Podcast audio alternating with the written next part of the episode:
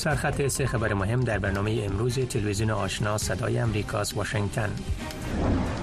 حملات تازه هوایی اسرائیل بر اهداف گروه حماس در شهر رفح که در آن حداقل دو کودک جان باختند با انتقادات شدید روبرو است.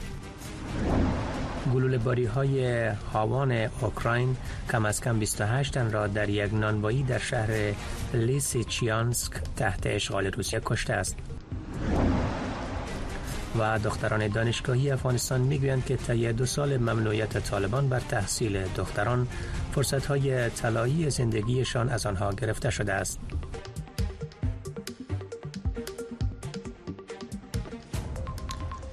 سلام بینندگان گرامی. به برنامه امروز خوش آمدین. امروز یک شنبه چهارم ماه فوریه سال 2024 میلادی است. برنامه امروز به طور مستقیم از طریق وبسایت و فیسبوک تلویزیون آشنا صدای امریکا و همچنین در رادیو موج متوسط 972 کیلوهرتز به نشر می‌رسد. من محمد احمدی هستم.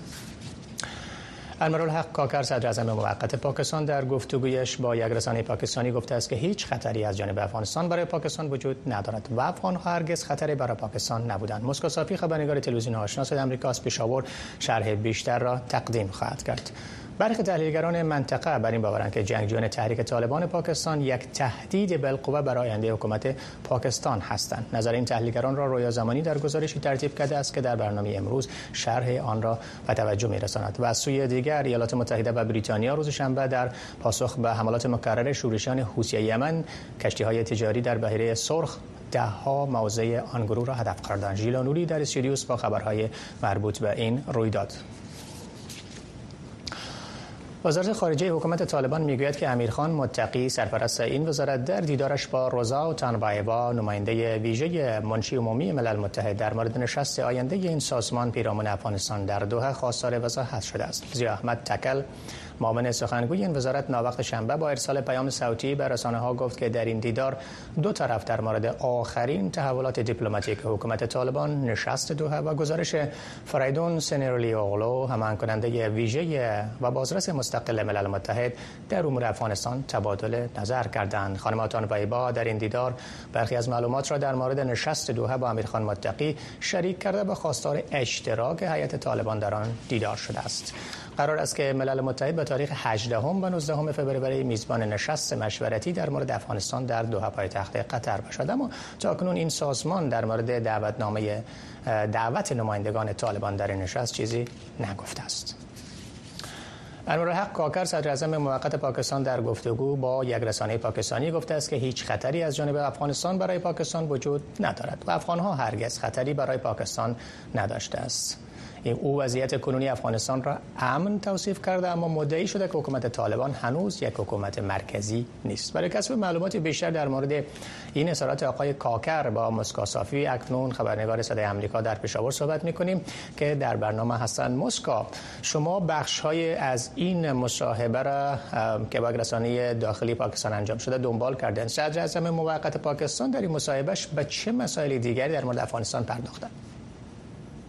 سپاس از شما. همان طوری که شما گفتین انوار الحق کاکر صدر موقت پاکستان دو روز قبل در یک مصاحبه ویژه با تلویزیون خیبر نیوز گفته که چگونگی حکومت افغانستان مسئله داخلی می باشه البته انوار الحق کاکر در این مصاحبه از حکومت پیشین و کنونی طالبان حمایت کرده و گفته که در افغانستان امنیت وجود دارد ولی یک حکومت مرکزی وجود ندارد. انوار الحق کاکر گفته که رئیس جمهور پیشین افغانستان اشرف غنی با مصرف کردن میلیاردها دلار نتوانست در سر تا سر افغانستان حاکمیت ایجاد کند. پس در مدت 7 الی 8 ماه نمی‌تواند که از طالبان توقع شود ولی طالبان می‌تواند که در افغانستان و منطقه امنیت را برگزار کند. انور الحق کاکر در این مصاحبه با اشاره به تی تی پی گفته که افغانستان می‌داند که پاکستان از وی چی می‌خواهد و البته گفته که با بدن طالبان در پاکستان فعالیت های تی تی پی بیشترتر شده ولی مبصرین امور سیاسی با اشاره به اخراج هزاران پناهجوی افغان گفته که این نظر انوار حقاکر یک موضوع موقتی می باشد. بله مسکو تازه ترین خبرها سرحد چمن اسپن بولدک که گزارش شده است چندین مدت چند ماه است که مسدود هست و اعتراضاتی هم برپا هست. تازه ترین خبر در این باره چی است؟ بله معترضانی که در چمن یا سپین بولدک دست به اعتراض زدن تقریبا از مدت 4 ماه یا 114 روز می شود. معترضین در این مرز از پاکستان خواهان است تا که شرایطی که به ویزا و پاسپورت پاکستان ایجاد کرده را از توقف دهد و معترضین گفته که اگر پاکستان خواستنی هایشان را نپذیرد آنها در انتخابات پارلمانی سهم نمی‌گیرد و شرکت نمی کند یکی از معترضان یکی از برگزار کنندگان معترضان که به نام غوث الله چگزیس گفته که هیچ کسی و نه پاکستان و نه هم سیاسون به چمن نظر ندارد و همچنان چمن را فراموش کرده و البته گفته که اگر تا دو روز یا سه روز این خواستنی هایشان پذیرفته نشود آنها در این پارلمان یا در این انتخابات پارلمانی هیچ شرکت نمی کند مسکا صافی خبرنگار تلویزیون آشنا در پشاور تشکر از حضور شما و گزارش شما در مورد رویدادهای بین پاکستان و افغانستان. برخی تحلیلگران منطقه بر این باورند که جنگجویان تحریک طالبان پاکستان یک تهدید بالقوه برای آینده حکومت پاکستان تلقی می شود و به همین دلیل مقامات در اسلام آباد تلاش دارند فشار بیشتر را بر طالبان افغانستان برای مهاران گروه اعمال کنند. روی زمانی همکارم در نظریات برخی تحلیلگران را در این مورد در گزارشی تهیه کرده است که در استودیو با ما هست. رو یا عمده ترین مسائلی که این تحلیلگران در صحبت با خودت مطرح کرده که عمدتا روی روابط حکومت پاکستان با طالبان افغانستان هست.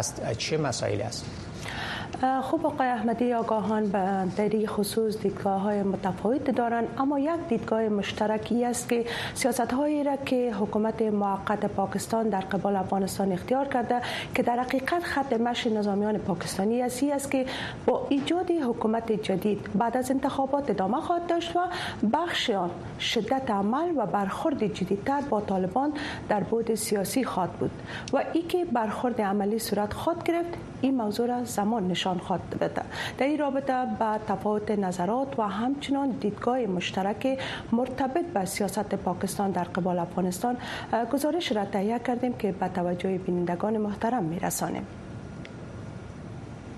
پاکستان پس از تسلط دوباره طالبان بر افغانستان به گونه علنی در نشست های بین المللی برای تعامل جهان با این گروه لابیگری می کرد. دلیل این که اسلام آباد این گونه از حاکمان طالبان در افغانستان می‌خواهند تا با گروه های مسلح مخالف حکومت طالبان مبارزه کنند برخی تحلیلگران امور بین المللی مثل صادق امینی اظهارات اخیر مقامات نظامی و ملکی پاکستان علیه طالبان را یک نوع سرخوردگی و ناکامی استراتژیک پاکستان در قبال طالبان عنوان می کنند. اما احمد ماد یوسف زای آگاه مسائل سیاسی مقیم اسلام آباد می که نگرانی پاکستان از حضور جنگجویان تی است که پس از حاکمیت طالبان از زندانهای افغانستان رها شدند. اوس پاکستان سره دا غم دی چې کله واورې ختم شي او موسم لګ خشي نو کې دي شي. د تحریک طالبان پاکستان چې کوم جنگیالي دي او ځل بیا خپل کاروانو کې بیا توندی راولي. د دې مخ نیول د پاره هغه بیا بیا د افغان طالبانو واک اختیار باندې دی وکي هغي ډډه کوي چې هغه د تحریک طالبان پاکستان جنگیالو خلاف کاروان وکړي چې پاکستان ته لګ راتلونکي وخت پامن کې پاتې شي اما مقامات حکومت طالبان بارها چنین ادعاهای اسلام آباد را رد کرده و گفتند که به هیچ کس اجازه نمی‌دهند که از خاک افغانستان علیه کشور استفاده کند. هدایت الله پکتین آگاه امور بین الملل در کابل می‌گوید که عدم موجودیت ثبات در سیاست خارجی پاکستان و مسئولیت گریزی حاکمان اسلام آباد باعث گردیده است مقامات پاکستانی برای رفع مشکلات امنیتی کشورشان خواهان اقدامات بیشتر مقامات حکومت طالبان شوند. در زمان حکومت پرویز مشرف اینها با آمریکا همکاری کردند و بعدا حتی به بعضی مناطق پشتون چین یا وزیرستان اینا حملات انجام دادن و حتی بعضی خانه ها از بین رفتن مارکت ها و قریه ها از بین رفتن. بعد از او تی تی پی شکل گرفت که در مقابل حکومت پاکستان سلاح برداشتن. امروز یک مسئله داخلی پاکستان است و پاکستان تلاش می‌کنه که از مسئولیت عهده خالی بکنه و ای را به عهده به عهده امارت اسلامی افغانستان بیاندازه صادق امینی تحلیلگر امور سیاسی و بین المللی استدلال می کند که در بیش از سه دهه پاکستان بالای گروه های حراس افغان در افغانستان سرمایه گذاری کرده است که طالبان یکی از این گروه هاست فضای منطقوی و بین المللی بعد از آمدن دوباره طالبا در حاکمیت تغییر خورده و طالبا با ایجاد رابطه و تامین رابطه که کردن با امریکا با کشورهای بزرگ منطقه و در گوشه و کنار دنیا تانستن که جایگاهی را بر خود باز بکنن که او حس تعلق پذیری که با پاکستان داشتن او را کم بسازن. و از این جهت است که اونا گروه های که در داخل افغانستان در 20 سال گذشته مصروف بودن.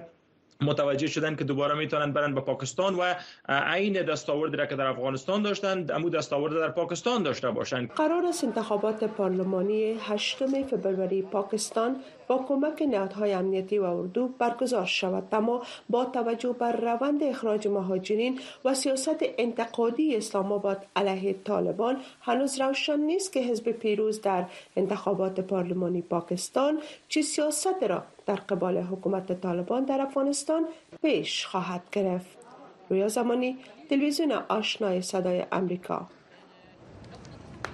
ژنرال جوزف ووتل قماندان سابق سنتکام یا قماندانی مرکزی ایالات متحده در واکنش به گزارش اخیر سازمان ملل متحد پیرامون حضور و فعالیت رورش گروه القاعده در افغانستان میگه بیم دارد که ایالات متحده در یک وضعیت قرار خواهد گرفت تا برای رسیدگی به تهدید این گروه باید به منطقه برگردد جنرال ووتل در مصاحبه با صدای آمریکا گفته است که نبود حکومتداری امنیت و فشار عامل رشد گروه های افراطی در منطقه شده است.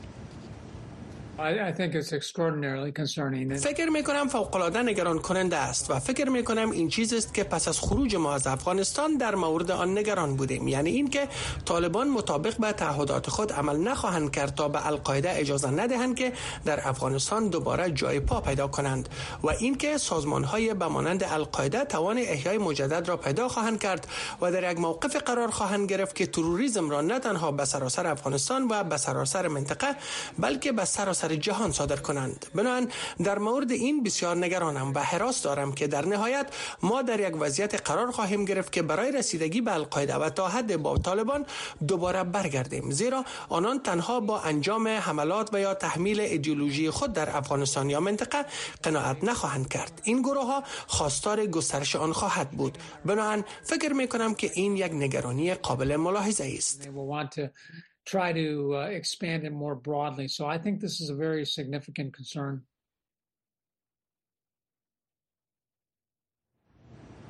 در این مصاحبه جنرال ووتل پیرامون تهدید تحریک طالبان پاکستان و تحولات اخیر در شرق میانه نیز صحبت کرده است که جزئیات کامل این مصاحبه را به زودی از تلویزیون آشنا و صفحات اجتماعی صدای آمریکا بیننده خواهید بود.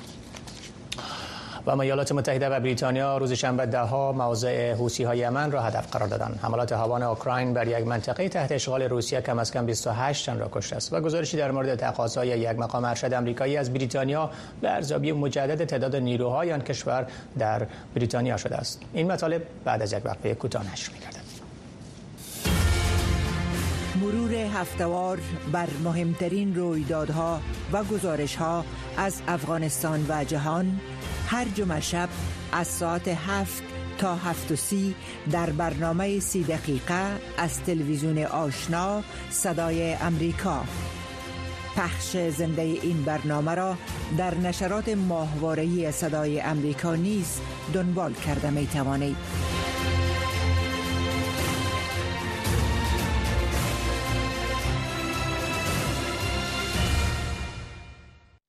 حداقل دو کودک در حملات هوایی جداگانه اسرائیل بر شهر رفح جان باختند. حملات تازه هوایی اسرائیل بر رفح باعث واکنش های متعددی شده است. همکارم ژیلانوری در استودیو هست و این جزئیات را دنبال کرده است. ژیلا جان، حملات اسرائیل بر رفح باعث چه واکنش های در منطقه و در جهان شده است و اینکه سایر تحولات مربوط به شرق میانه فعلا چی است؟ تشکر شما احمدی اسرائیل. با آغاز حملات هوایی بر رفح در غرب باریکه غزه با انتقادات شدید روبرو سازمان ملل متحد از بدتر شدن وضعیت پناهجویان فلسطین در شهر رفح در غرب غزه هشدار داده است. و اظهار نگرانی نموده است. اتحادیه اروپا روز شنبه نسبت به گزارش های ادامه حملات اسرائیل بر رفح ابراز نگرانی عمیق کرده است. جوزف بورل پس از حملات هوایی آمریکا بر مواضع شبه نظامیان تحت حمایت ایران در عراق و سوریه در سخنرانی خود هشدار داد که اگر اسرائیل و حماس به سر آتش بس توافق نکنند درگیری در سراسر منطقه گسترش خواهد یافت. نیروهای اسرائیل روز شنبه بخشای از شهر رفح هدف عملات هوایی قرار دادن و در نتیجه دو کودک کشته شده و چندین زخمی شدند. تا کنون اردوی اسرائیل انجام این حمله را تایید نکرده است. در کنار گزارش ها در ادامه تلاش ها در شرق میانه تیاره های نظامی ایالات متحده و بریتانیایی 48 حمله بر حوسی ها را در یمن انجام دادند. شهر بیشتر گزارش های رویترز و اسوسییتد پرس گرد هم آوردیم که به توجه شما می‌رسند در دو حمله جداگانه هوایی نیروهای اسرائیلی بر شهر رفح دو کودک کشته شدند و 80 آنها به شفاخانه محلی منتقل شد. یکی از باشندگان منطقه می‌گوید که حملات وقت شب شنبه صورت گرفت و زنان و کودکان در این حمله زیان دیشب حوالی ساعت 11 شب اتاق ما هدف حمله درون قرار گرفت. زنان کودکان در اتاق بودند و دیوارها بر آنان فرو ریخت صحنه ناراحت کننده ای بود و یک طفل به نام آلیا کشته شد و یک کس دیگر ماریا گفتند که شهید شده اما خوشبختانه نجات یافته اما وضعیت صحی او وخیم است. اولین حمله اسرائیل بر پناهگاه جنینا در رفح باعث کشته شدن یک کودک 12 ساله شد و ده ها نفر را زخمی نمود. حمله دوم بر اتاق یک مزرعه در غرب رفح نزدیک سرحد بود که در آن یک کودک دو نیم ساله جان باخت. ایمان لباسی خاله کودک هلاک شده است او چنین توضیح می‌دهد با خانوادم که به جا شده اینجا در یک اتاق در مزرعه زندگی می کنیم نیمه شب دفتن به اتاق ما راکت خورد. خواهرزاده هم شهید شد. فقط دو نیم ساله بود. و سایر افراد زخمی شدند. برخی در شفاخانه اروپایی در بخش مراقبت های ویژه هستند. شکر خدا که برخی کمتر آسیب دیدند و صحتیاب می شوند سازمان ملل متحد هشدار داده است که رفع به نقطه فشار و ناامیدی مبدل شده است و هزاران نفر از شهر خانیونس و سایر نقاط شهرک های جنوبی باریکه غزه پناه بردند. روز یکشنبه فلسطینی ها در رفح و پاکاری آوانها پرداختند که عملات هوایی اسرائیل خانه های آنها را در حملات شب شنبه اتحادیه اروپا روز شنبه نسبت به گزارش های مبنی بر اینکه اردوی اسرائیل قصد دارد جنگ را علیه حماس تا شهر رفح ادامه دهد ابراز نگرانی عمیق کرد. جوزف بورل رئیس پالیسی خارجی اتحادیه اروپا گفت که حدود یک میلیون فلسطینی به تدریج به امتداد مرزهای مصر آورده شدهاند و اگر اسرائیل جنگ زمینی خود را تا آنجا ادامه دهد جایی برای رفتن نخواهند داشت. او وضعیت رفع را بسیار وخیم توصیف کرد. این وضعیت یک مصیبت بشری است. نه به خاطر زلزله یا آفات طبیعی اما به خاطر که جنگ باعث شده صدها هزار نفر به جنوب باریکه غزه بیجا شوند. در صورتی که اردوی اسرائیل به بمباری مناطق جنوبی ادامه دهد وضعیت بدتر خواهد شد و مصیبت بشری به دست انسان ها اتفاق خواهد افتاد. اردوی اسرائیل امروز یک شنبه تصاویر منتشر ساخته است که در آن حملات هوایی بر باریکه غزه را نشان می‌دهد. این تصاویر سربازان اسرائیلی را در حال گله‌باری به اهداف نامعلوم و حملات هوایی اردو شلیک میزایل نشان می‌دهد. در همین حال عثمان حمدان یک مقام گروه حماس روز شنبه گفت 120 روز جنگ اسرائیل بر غزه برای اسرائیل و متحدینان شرم آور است. این مقام حماس در اظهاراتش در بیروت پایتخت لبنان حملات ایالات متحده را بر مناطق شرق میانه محکوم کرد و از مصر و قطر به خاطر تلاش ها برای مذاکره و آتش بس اظهار امتنان نمود. ژیلا نوری تلویزیون آشنای صدای امریکا واشنگتن. مقام های منصوب مسکو در شهر لیسی چانسک می‌گویند که مرمی شلیک شده هاوان اوکراین کم از کم 28 تن را در یک نانوایی در این شهر تحت اشغال روسیه کشته است. یک مقام محلی در بیانیه منتشره در تلگرام نوشت که کم از کم یک کودک در میان جان باختگان حمله روز شنبه است. او افزود که 10 تن نیز از زیر آوار توسط کارگران خدمات اضطراری بیرون کشته شدند. مقامات اوکراینی در کیف تا نشر این خبر در مورد این واقعه اظهاراتی نداشتند. مسکو و کیف هر دو به طور فزاینده با استفاده از حملات راکت دوربرد در فصل زمستان متکی هستند.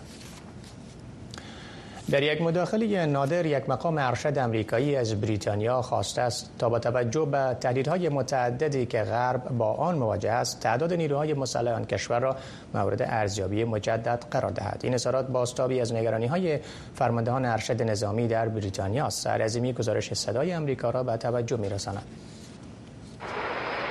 نیروهای بریتانیا در حال حاضر در عملیات پراسپریتی گاردن شرکت می کنند که یک نیروی چند ملیتی برای هدف قرار دادن شورشیان حوسی در یمن و محافظت از کشتی های تجارتی در بحیره سرخ است. حدود 20 هزار سرباز بریتانیایی قرار است در منابر موسوم به دفاع استوار 2024 بزرگترین تمرین نظامی ناتو از زمان جنگ سرد شرکت کنند.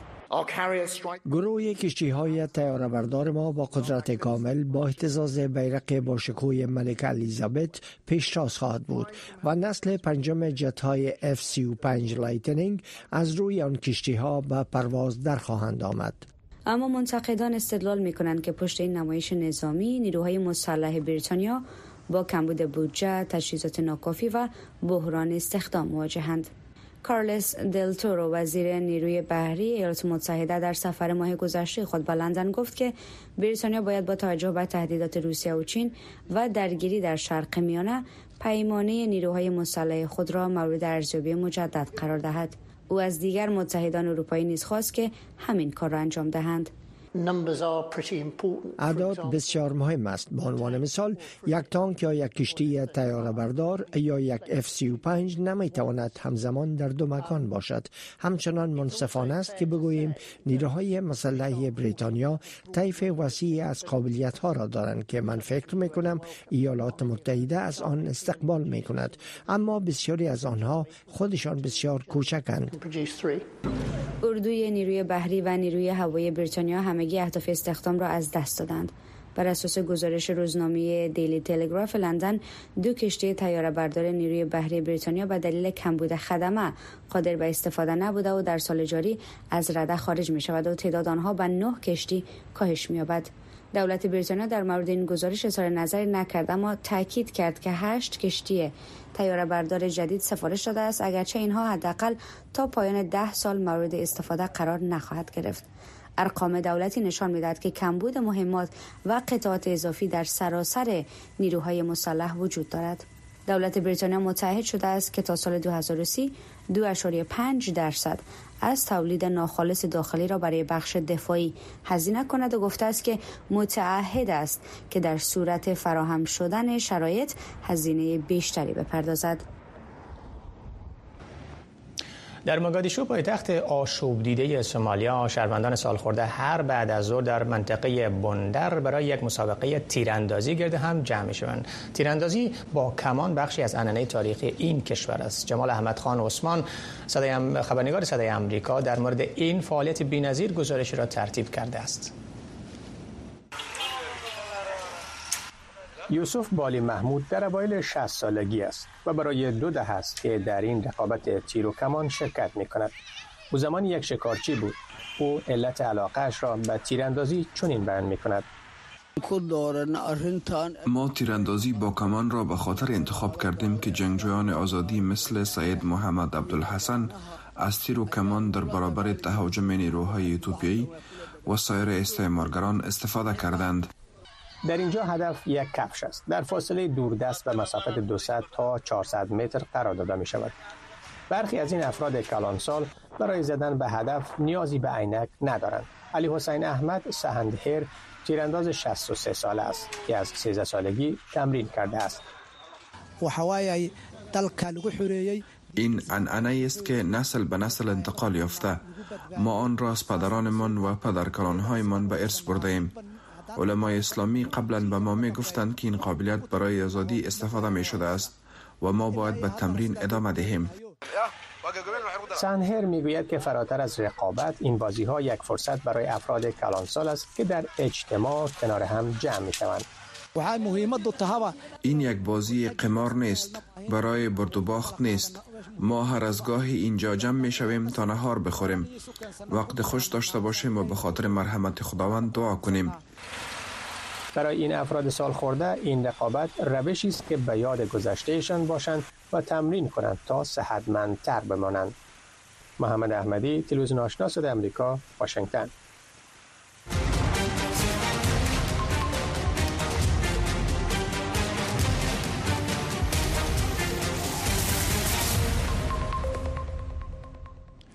در حالی که حدود دو سال از مسدود شدن دروازه های تحصیلات عالی به روی دختران افغانستان میگذرد دختران دانشگاهی افغانستان می‌گویند این دو سال فرصت های اطلاعی زندگی آنها به شمار می‌رفت که از آنها گرفته شده است. فوزی احسان همکارم با یکی از محصلین دانشگاه کابل که از بسته شدن دروازه تحصیلات عالی به رویش به ایران پناه داشته صحبت کرده است و این گزارش را تهیه کرده است. زمانی که طالبان در افغانستان به قدرت رسیدند خاطره نام مستعار در دانشگاه دولتی تخار مصروف تدریس بود. او می‌گوید ترک تدریس در دانشگاه از تلخترین خاطرات زندگیش است. شوهر این استاد دانشگاه از نظامیان رژیم جمهوریت بود که بعد از به قدرت رسیدن طالبان مجبور شد افغانستان را ترک کند و به این ترتیب خاطره پس از ترک تدریس در دانشگاه مجبور به ترک افغانستان نیست شد. خاطره در صحبت با صدای امریکا گفت خود و آن عده همکارانش که مجبور به ترک وظیفه شدند با مشکلات فراوان از جمله مشکلات اقتصادی مواجهند خاطره که اکنون با شوهر و طفل یک سالش در ایران پناهنده شده است گفت زمانی که کار آدم رها می‌کنه مشکلات اقتصادی اولین مشکل و اساسی ترین مشکل همه ما است. مشکل اقتصادی داریم مشکل امنیتی داریم. کلا جان خودمان جان خانواده در خطر هست. از هیچ لحاظ ما مسئول نیستیم. این استاد دانشگاه می‌گوید تعدادی از همکارانش که در افغانستان به زندگی ادامه دادند یا توانایی خارج شدن از افغانستان را ندارند با تهدیدات امنیتی مشکلات اقتصادی و بیکاری و بلا تکلیفی کامل مواجهند و از این رو در صورت امکان قصد ترک افغانستان را دارند. همکارای ما که در اونجا هستن باشن که صحبت می‌کنیم میگم فقط آرزوی مایی شده که حتی با طریقی غیر قانونی هم هست. ما بیرون شویم از کشور. دغدغه اونا فقط همی است که از کدام طریق باید بیرون شوند؟ لاقل بتانیم برای فرزندان ما آینده بسازیم چون در داخل افغانستان اطفال و جوانان هیچ آینده ای ندارند. دکتر احمد غنی خسروی قبلا استاد و رئیس دانشکده ادبیات و علوم انسانی دانشگاه هرات می‌گوید داستان خاطره قصه زندگی حدود 35 درصد استادان اناس دانشگاه های افغانستان است که با آمدن طالبان یا از کار اخراج شدند و یا مجبور به ترک وظیفه و یا کشورشان شدند. خسروی می‌گوید طبق پالیسی و قوانین وزارت تحصیلات عالی حدود 35 درصد استادان دانشگاه ها را زنان تشکیل می دادند که با به قدرت رسیدن طالبان از کار برکنار شده و یا به حاشیه رانده شدند. معیار ما ای بود یا قانون ای بود که طرز عمل ای بود که ما باید حتما سی تا سی و پنج درصد کارمندان دانشگاه و در کنار از اساتید دانشگاه از طبقه اوناس باشه. و تقریبا با همین معیار هم در بسا از ولایات رسیده بودیم. مثلا کابل دانشگاه کابل دانشگاه تعلیم و تربیه کابل دانشگاه طبی کابل تقریبا به همین معیار رسیده بود. یا دانشگاه هرات رسیده بود یا دانشگاه بلخ رسیده بود. خسروی افزود جبران خلای به وجود آمده در نظام تحصیلات عالی افغانستان که در نتیجه حذف و یا ترک وظیفه از جانب استادان به وجود آمده با آسانی و در آینده نزدیک متصور نیست. مقامات طالبان در دو سال اخیر همواره از بازگشایی دروازه های مکاتب متوسطه و لیسه و همچنان دانشگاه ها برای دختران صحبت کردند اما با وجود انتقاد و فشارهای نهادهای بین المللی و نهادهای مدافع حقوق آموزش در داخل افغانستان اقدام ملموسی در این رابطه روی دست گرفته نشده است. با این حال شماری از مقامات طالبان گفتند که ممنوعیت آموزش و تحصیل دختران و زنان در افغانستان دائمی نیست. فوزی احسان تلویزیون آشنا صدای امریکا واشنگتن. بینندگان گرامی این بود داشته های برنامه تلویزیون آشنا صدای امریکا تا لحظات بعد شما شنونده و بیننده نشرات رادیو آشنا صدای امریکا خواهید بود که از تلویزیون آشنا و فیسبوک نشر خواهد شد.